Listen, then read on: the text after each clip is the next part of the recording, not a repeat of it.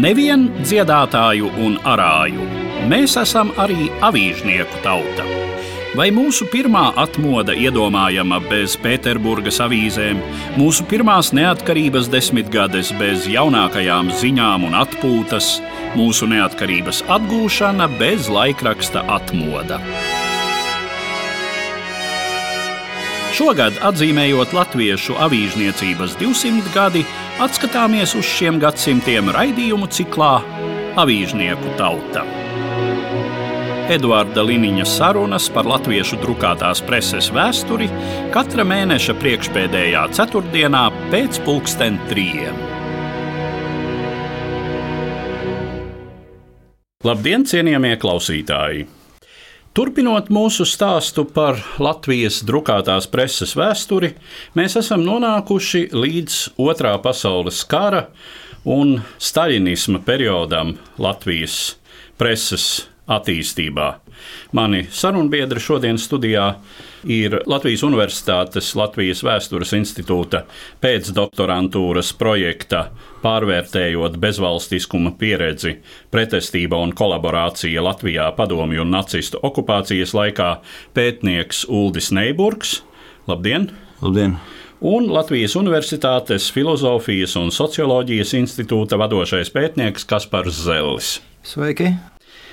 Tās izmaiņas, kas notiek ar Latvijas presi 1940. gadā, kad Latviju okupē sarkanā armija un Latvijas valstiskums de facto tiek iznīcināts. Latvijas presi pārveido pēc tiem modeļiem un standartiem, kādi jau pastāv Padomju Savienībā. Cik lielā mērā atbilst patiesībai priekšstats, ka šī pārkārtošana Staļiniskajam režīmam nenācās nemaz tik grūta, jo prese jau bija pieradināta klausīt varai. Es domāju, šim jautājumam ir tādi divi aspekti.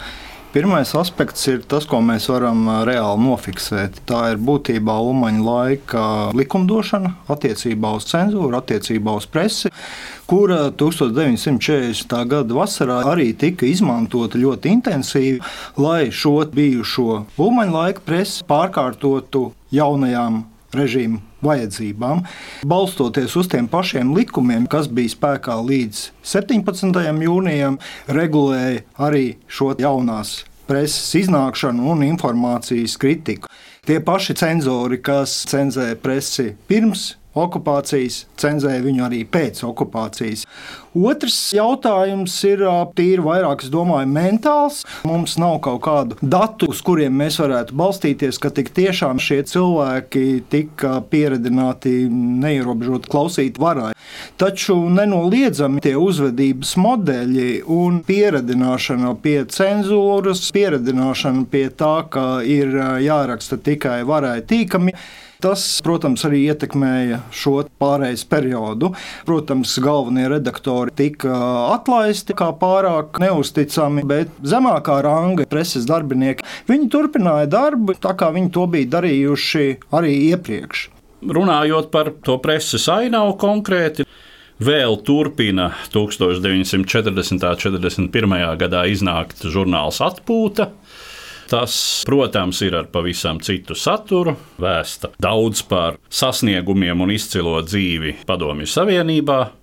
Savukārt jaunākās ziņas pārtop par Padomju Latvijas ministru kabineta izdevumu Padomju Latvija, un kā tas ir visās Padomju republikās, ir vietējās kompartijas centrālais izdevums Latvijā. Tā ir cīņa, kura, protams, sevi redz kā 20. gadsimta sākumā iznākušā Latviešu sociāldemokrāta laikraksta cīņa turpinājumu.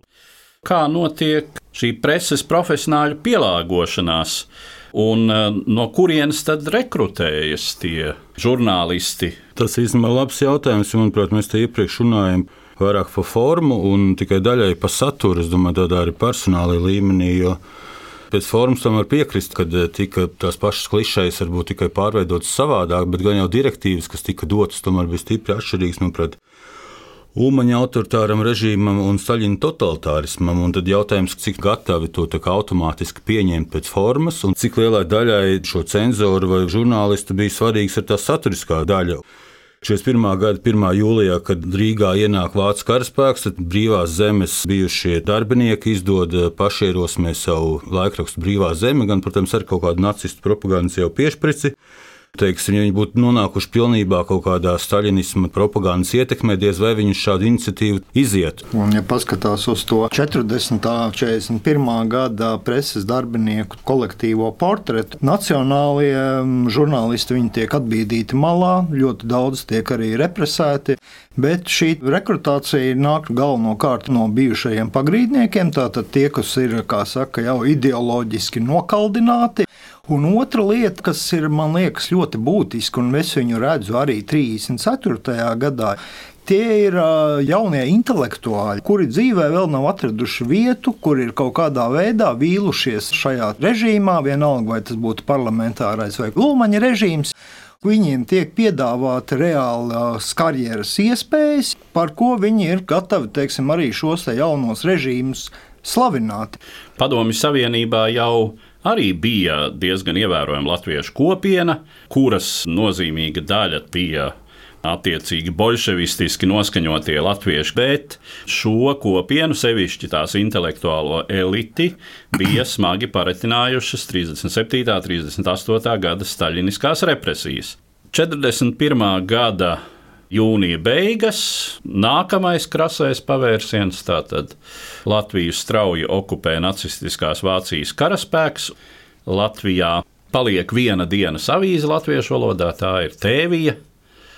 Atkal, kas ir tie cilvēki, kas sāk darboties jau šai vēl vienai totalitārajai varai?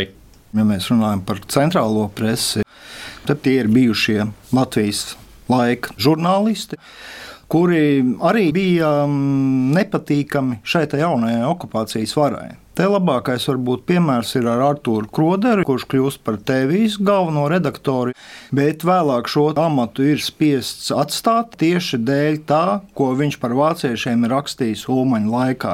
Kā rezultātā amatu iegūta daudz provāciskāk, teiksim, noskaņotais Pāvils Klāns, ja Pauls Kovaļevskis. Otra lieta tie ir, teiksim, atkal jaunie cilvēki, un tādu bija sevišķi daudz, un tie bija nesagatavoti cilvēki.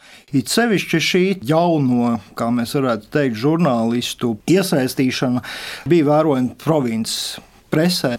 Daudzi cilvēki nāca no Wehrmachta propagandas daļām, kas bija attiecīgi sagatavoti un instruēti. Tas pats Pauls Kavaļevskis, jeb rakstnieks Pāvils Klāns, arī bija ieradies Latvijā kā propagandas rotas Zonderfīrers.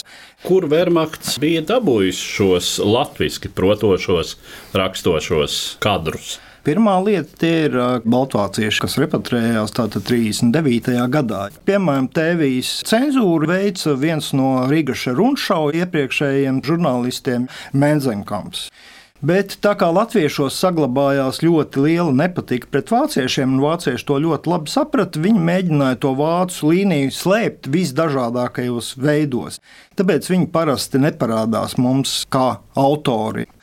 Nu, tāpat daudzi dzīvoja arī ārzemēs, un tā skaitā arī Vācijā jau Ulmaņa laikā, sevišķi no pērkoņa krusta aprindām nākošie. Kādi galvenie ideiskie akcenti ir Latvijas presē kā nacistu propagandas instrumentam? Pirmkārt, ir tās galvenās propagandas paradigmas, kas ir attiecināmas ne tikai uz latviešu sabiedrību, bet būtībā uz visām okupēto austrumu teritorijām. Un šajā propagandas paradigmā dominē stāsts par Padomju Savienības pakļauto tautu atbrīvošanu.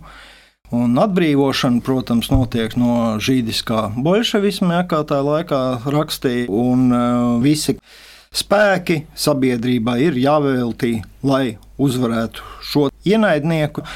Un uh, jāsadarbojās ar jauno okupācijas varu, lai šis ienaidnieks neatgrieztos. No pagātnes preses lapusēm. 1941. gada 3. jūlijā laikraksts Tēvija publicē rakstu Ciešākā vienībā. Lai cik smagas bija mūsu ciešanas, lai kāds upuru skaits sanāks, kad atkal kopā skaitīsim savas bolševiku terora izklīdinātās rindas, mums tomēr jāiespēj pārvarēt sāpes un jāiesāk dzīves jauncelšanas darbs. Bet, kad nu stājamies šajā darbā, tad mums ir jānodibina savs nacionālais viedoklis. Mums jānodibina sava nostāja. Vispirms pret to vienu tautu, kurai bez ierunām jāpieskaita galvenā un lielākā vaina par tām sāpēm un ciešanām, kādas nebija jāiztur mums vien, bet kādas bijušas jāiztur arī daudzām citām Eiropas tautām. Šī tauta ir žīdi. No žīdu tautas ir izveidojies tāds cilvēku sadzīvē ieviesies elements, kas pazaudējis robežas starp cilvēcisko un zvērisko. Žīds savas vēstures gaitās pret kristīgo pasauli, pret Eiropas kultūras pasauli ir nostājies asinskāras atriebības diktētā izpostīšanas un izārdīšanas stāvoklī. Žīds saceļas pret katru radītāju kārtību, pret valsts varu kā šīs kārtības izpaudēju. Žīds sēja visā pasaulē šīs ārdīšanas un asinskāras nāvējošās domas un uzskatus. Neaizmirsīsim arī to, ka baigajā bolševisma asiņu un posta gadā visās mūsu tautas locekļu apslapkavošanas vietās un lietās klāt bija vispirms žīds. Žīdu pilna bija čeka, žīdi bija mūsu tautas locekļu apcietinātāji 13. un 14. jūnija Bērtuļu naktī. Žīdi bija sarkanie gvardi, šie slepkavības dievinātāji un piepildītāji, un žīdi bija mūsu saimnieciskās, mūsu kultūras dzīves sagrāvēji. Mūsu nostājai pret žīdiem jābūt negrozāmai, nepielūdzamai. Žīds jāizdzen no mūsu zemes, lai nebūtu te vairs mūžīgo ārdošā nemiera cēlāju, urdītāju un kūdītāju uz postīšanu un iznīcināšanu. Līdz pamatiem jāsatriec žīdu spēks un viņu iespējas mūsu zemes dzīvē. Šīs visas pasaules svarīgās problēmas atrisināšanā mums jāiet līdzi vācu tautai, kas iet priekšgalā cilvēces atbrīvošanā no žīdisma, ārdošās varas un no bolševisma vaiprātīgās asinskārās pasaules izpostīšanas varas.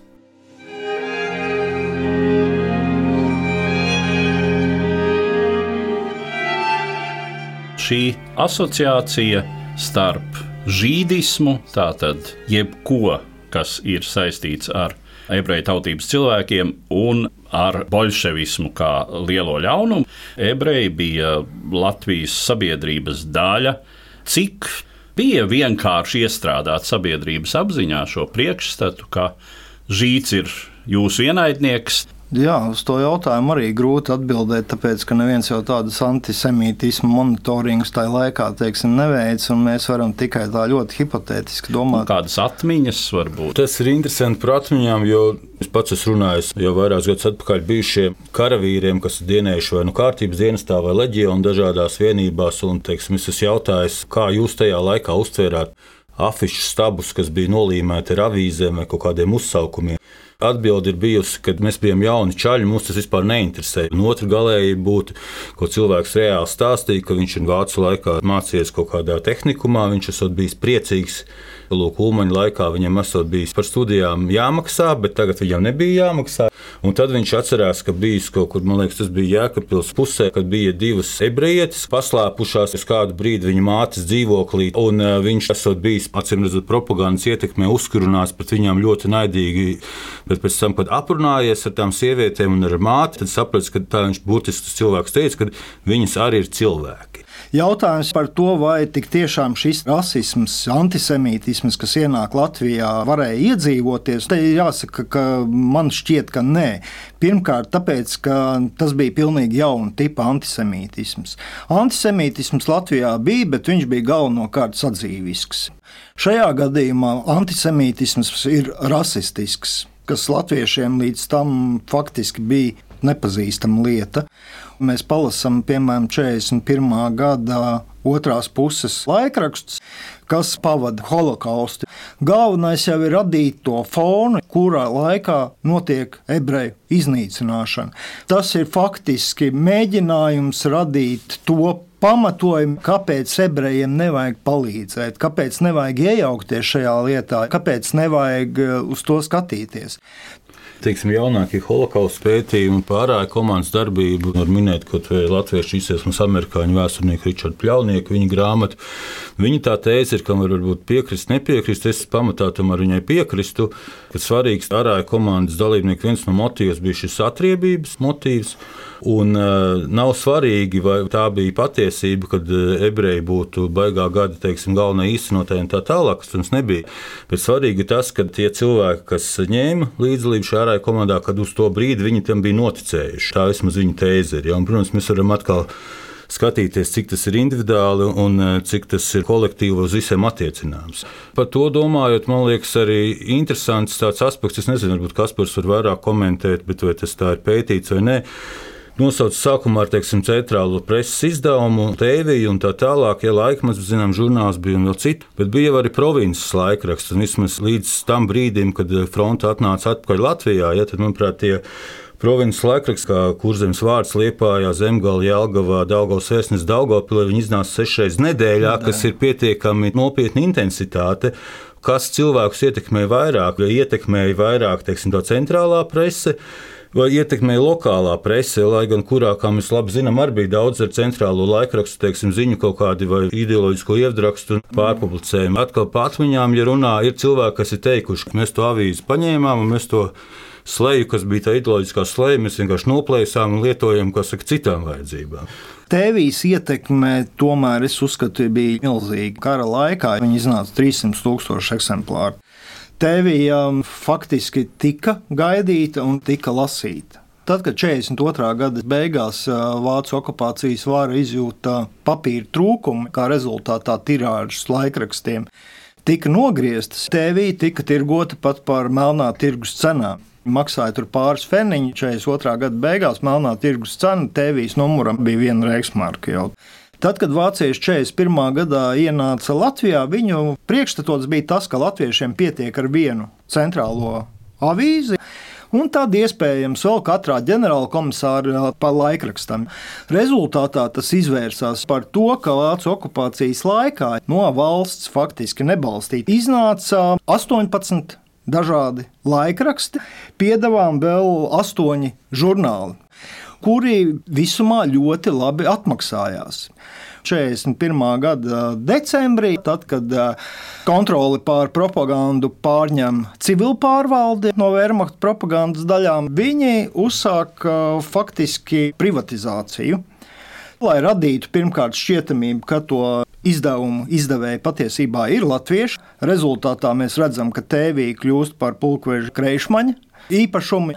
Vēlāk pulkvedis Artūrs Freimans dabūja koncesiju izdot laikmetu, bet šī visa ideoloģiskā, redakcionālā un saturiskā politika tiek veikta no vācu kontrolējošām iestādēm. No tēvijas krēšmaņa rokās nonāca tikai daži procenti no ienākumiem. Vispārējais aizgāja Oslandas propagandas daļai. No laikmeta ienākumiem tika izdota vēl vesela virkne citu izdevumu. Tā skaitā finansēja frontes laikraksts Daugavs Vanaga izdošanu, daļu teiksim, finansēja biļetens laika balss, kas bija domāts tieši provinces presi, lai apgādātu ar eh, ideoloģiski pareizajiem materiāliem. Un tāpat daļu saņēma arī Wehrmacht propagandas daļas, lai Krievijā, galvenokārt Pleskavā, kur viņi bāzējās kara laikā, izdotu krievu valodā izdevumus. Latvijas mēneša raksts, ko sākotnēji izdeva tikai dažu tūkstošu eksemplārā, kurš, kurš bija kultūras žurnāls, jā, vai kāpēc tik lielu popularitāti iegūta tieši šis laikmets, kas zināmā mērā varbūt atgādina pēc tā stilā atpūtas sava laika, kurā ļoti, man liekas, prasmīgi pilnīgi tika kombinēta milzīgā ideoloģiskā ietekme ar tik tiešām kultūras un izklaides rakstiem. Bet es domāju, ka cilvēki lasīja šai laikā pirmkārt tāpēc, ka tā jau bija tradīcija, Mēs tomēr bijām lasoša tauta, un, ja mēs salīdzinām preses izdevumu teiksim, intensitāti nacistu okupācijas laikā, nu, mēs krietni pārspējam gan Lietuvas, gan Igaunijas ģenerāla komisariātus izdevumu skaita ziņā un tirāžu ziņā. Otrs moments ir, ka pēc informācijas bija zināms bats. Un šo informāciju tomēr mēģināja salīdzināt ar to, kas izskanēja radio. Tas ir faktiski pirmais laikmets Latvijas vēsturē, kur notiek patiešām īsts šis propagandas karš, lielā mērā pateicoties tieši radio esamībai klausīties ienaidnieka raidītājus, salīdzināt ar to, ko vēsta presē, jā, un tā tālāk. Un tā joprojām. Tas, ka cilvēki neņēma pa pilnu rubli, tas, kas ir rakstīts, tas ir viennozīmīgi. Propagandas uztveres aptaujās, ko veica drošības policija, mēs ļoti labi redzam to, ka jau faktiski 41. gada beigās propagandai ir ļoti mazs uzticības līmenis. Šis ir arī laiks, kad tiek izdoti ar eh, ierobežotām tehniskām iespējām nelegāli izdevumi. Ja mēs skatāmies pa vācu okupācijas laiku, ir reāli Nacionālās pretošanās kustības nelegāli preses izdevumi. 1942. gadā iznāk tāds eh, nelegāls laikraksts Tautas balss, ko izdod tāda Latviešu Nacionālistu savienība, kurā ir gandrīz simts dalībnieki, kas lielākā daļa nonāk ar ieslodzījumā Salaspils nometnē vai citās koncentrācijas nometnēs. 43. un 44. gadā, kad eh, pērkoņu krusta līderis Gustavs Celmiņš ir vīlies nacistos, ja tā var teikt, viņš izdod tādu rotaprintētu izdevumu Brīvā Latvija, Latvija raksti. Sākumā uz dažām lapām, bet Brīvā Latvija jau iznāk uz kaut kādām 11 vai 20 pāri. Tur ir nopietnas ar starptautiskā stāvokļa analīzes un tāda informācija, kas varbūt oficiālā presē šādā veidā netiek atspoguļota. Paši izplatītāji savos izdevumos ir norādījuši, ka tie laikraksti iznāk vairākos simtos vai tūkstošos eksemplāru, kas, manuprāt, protams, tā nav, jā, jo tas ir tīri, varbūt, lai radītu iespēju pat lielāku izplatību. Tādi izdevumi gan tiek iemesti paskastīties, gan vienkārši izplatīti tirgus laukumos, vai cilvēks atdod cilvēkam. Un tas, ka tiem ir kāda ietekme, manuprāt, liecina kaut vai tie paši vācu ziņojumi, ja, kur teikts, ka tie teksti ir pret vāciešiem musinoši, viņi var kļūt bīstami. Un mēs varam redzēt arī, ka ir samērā daudz apcietināti šie cilvēki par šādu veidu darbībām. Un ar šie laikraksti, ziņojumiem spriežot, arī tiek pārdoti citreiz par spekulatīvām cenām. Cilvēkiem ir interese iegūt alternatīvu kaut kādu no šīs oficiālās varas propagandas ideoloģijas brīvu informāciju. Kas notiek 1944. un 45. gadā, kad šeit atgriežas sarkanā armija, līdz ar to staļiniskais režīms, atgriežas cīņa kā kompartijas izdevums, tad parādās padomju jaunatne, komjaunatnes izdevums Faktiski šī atgriešanās tika ļoti rūpīgi arī gatavota. Maskavā sāk 44. gadā atkal iznākt Latvijas komunistiskās partijas centrālais orgāns cīņa, kurš no 41. līdz 44. gadam bija faktiski pagājis. Tiek gatavotas tās saucamās operatīvās grupas, kurām ir pēc pilsētu atbrīvošanas jāuzsāk gan civilo iestāžu darbība, gan tā skaitā arī jādibina avīzes, laikraksti, jāveic propaganda propagandu un tā tālāk. Laikrakstu atjaunošana notiek visumā ļoti sparīgi. Un, ja mēs paskatāmies uz 45. gada janvāra centrāla komitejas atskaitēm, jāņem vērā, ka kurzem mums joprojām ir vācu varā. Uz 45. gada janvāra iznāk 12 dažādas pilsētu un apriņķu avīzes, neskaitot centrālos izdevumus, cīņa, padomju jaunatne, Savetskajai Malaģožai literatūra un māksla un augstākās padomes ziņotājs. Kādā veidā varēja noformēt kadrus, kas rakstītu, tā bija ļoti milzīga grūtība. Sāk meklēt Krievijā. Tad tiek meklēti gan par augstskolām, gan Krievijā iznākošiem preses izdevumiem un tā tālāk. Un tā joprojām. Tur, protams, daudz ko nesenāk apzināti, jo tik tiešām 37. un 38. gadā ļoti daudz tika iznīcināti latviešu operācijas laikā kas izrādās padomju propagandai zelta bedrē. Tas ir Latviešu divīzijas frontes laikraksts, Latviešu strēlnieks. Tur strādāja vesela virkne pro-komunistiski noskaņotu literātu, kur jau bija kļuvuši, teiktu, komunistiski.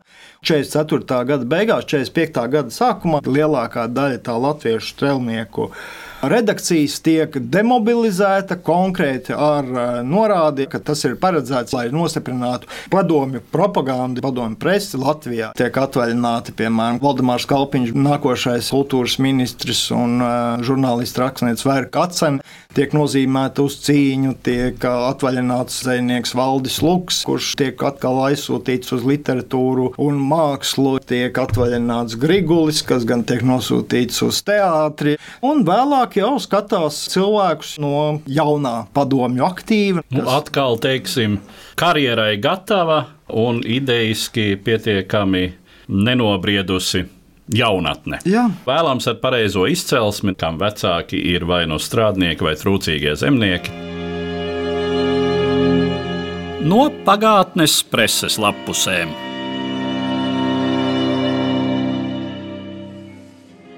1944. gada 5. decembrī laikraksts Cīņa publicē Viļa Lāča rakstu Staļina konstitūcija padomju tautu brīvības un varenības avots.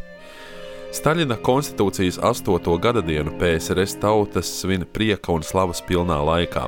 Laikā, kad Tēvijas kara kauju troksnis ir aizdunējis pāri mūsu lielās padomju dzimtenes robežām un uzvarošie sarkanās armijas pulki soļo ienaidnieka zemē. Virs visām padomju Savienoto republiku galvaspilsētām atkal plīvo sarkanais brīvības karoks. Latvijas tauta atkal brīvi atvelk elpu un pilna paļāvības savai gaišajai rītdienai var droši un laimīgi raudzīties pretim savai nākotnē, kuras gaisumu un pilnvērtību garantē visdemokrātiskākā konstitūcija pasaulē. Šai konstitūcijai padomi tautas devušas tās autora un veidotāja cēlo vārdu. Ar biedra Staļina vārdu padomi tautas ir gājušas no uzvaras uz uzvaru, veikušas neskaitāmus saimnieciskus un kara brīnumus. 1940. gadā, kad Latvijas tauta brīvprātīgi, neredzētā vienprātībā lēma par iestāšanos Padomju Republiku Savienībā, Staļina konstitūcijas saule pirmo reizi atmirdzēja arī pār Latvijas zemi. Nepilna gada laikā Latvijas tauta atguva savas vissvētākās tiesības un pirmo reizi ilgu gadsimtu gaitā varēja brīvi veidot savu dzīvi. Padomju vara atbrīvoja bezzemnieku, kalpu un sīkzemnieku no lielsaimnieku un izmantotāju atkarības, atdeva viņam zemi un palīdzēja nostāties uz kājām, sākt pilnvērtīgu un turīgu dzīvi. Padomi Latvijas strādnieks kļuva savu fabriku un rūpnīcu saimnieks. Beztiesībās makušais Latvijas darba cilvēks un inteliģents varēja piedalīties savas zemes izveidošanā un tās likteņu lemšanā, Arī tagad, tūlīt pēc tam, kad kaujas troksnis aizdunējis uz rietumiem, padomju Latvijas ļaudis ir ķērušies pie lielā atjaunošanas darba, ar to neatlaidību, sīkstumu un pašupurēšanos, kā priekšā atkāpjas kalni. Zem Staļina konstitūcijas saules varanajā padomju tautu saimē latviešu tauta ātri sadziedēs visas brūces, atjaunos sapostīto un radīs daudz jauna, kā agrāk nav bijis.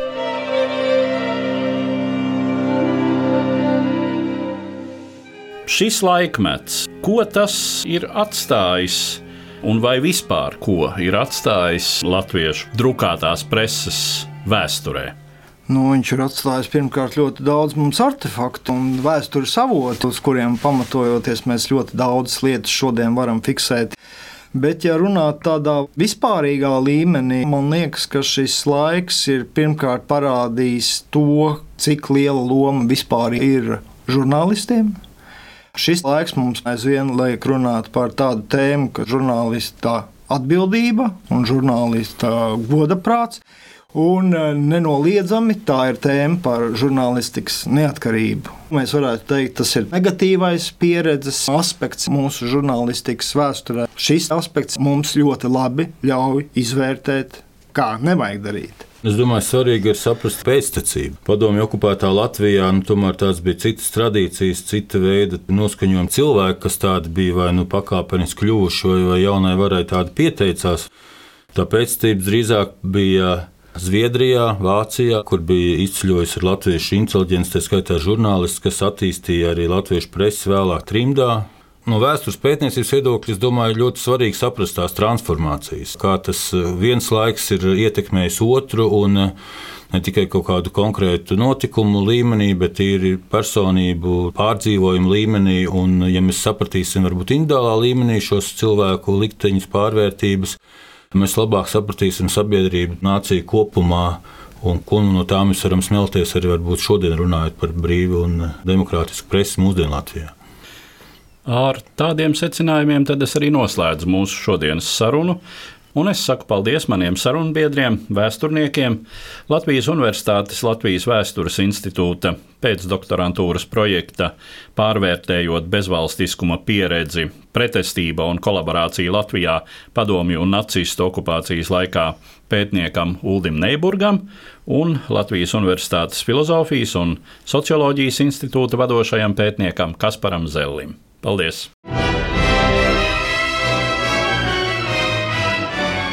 Jau 200 gadus mums, latviešiem, ir savas avīzes, kas mūs daudzējādā ziņā veidojušas un vadījušas. Atskatāmies uz latviešu avīžniecības diviem gadsimtiem raidījumu ciklā Avīžnieku tauta. Eduarda Liniņa sarunas par latviešu drukātās preses vēsturi katra mēneša priekšpēdējā ceturtdienā pēc pulksten trījiem.